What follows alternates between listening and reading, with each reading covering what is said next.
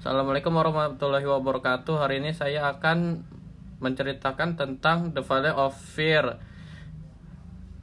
Penulis Sir Arthur Conan Doyle, editor tim penyunting, penerbit Gramedia Pustaka tahun tahun terbit Desember 2002, ISBN nomor 87860632087, jumlah halaman 304, ringkasan cerita merupakan eksploitasi kehidupan nyata dari Mali Maguires dan Agan Pinkerton.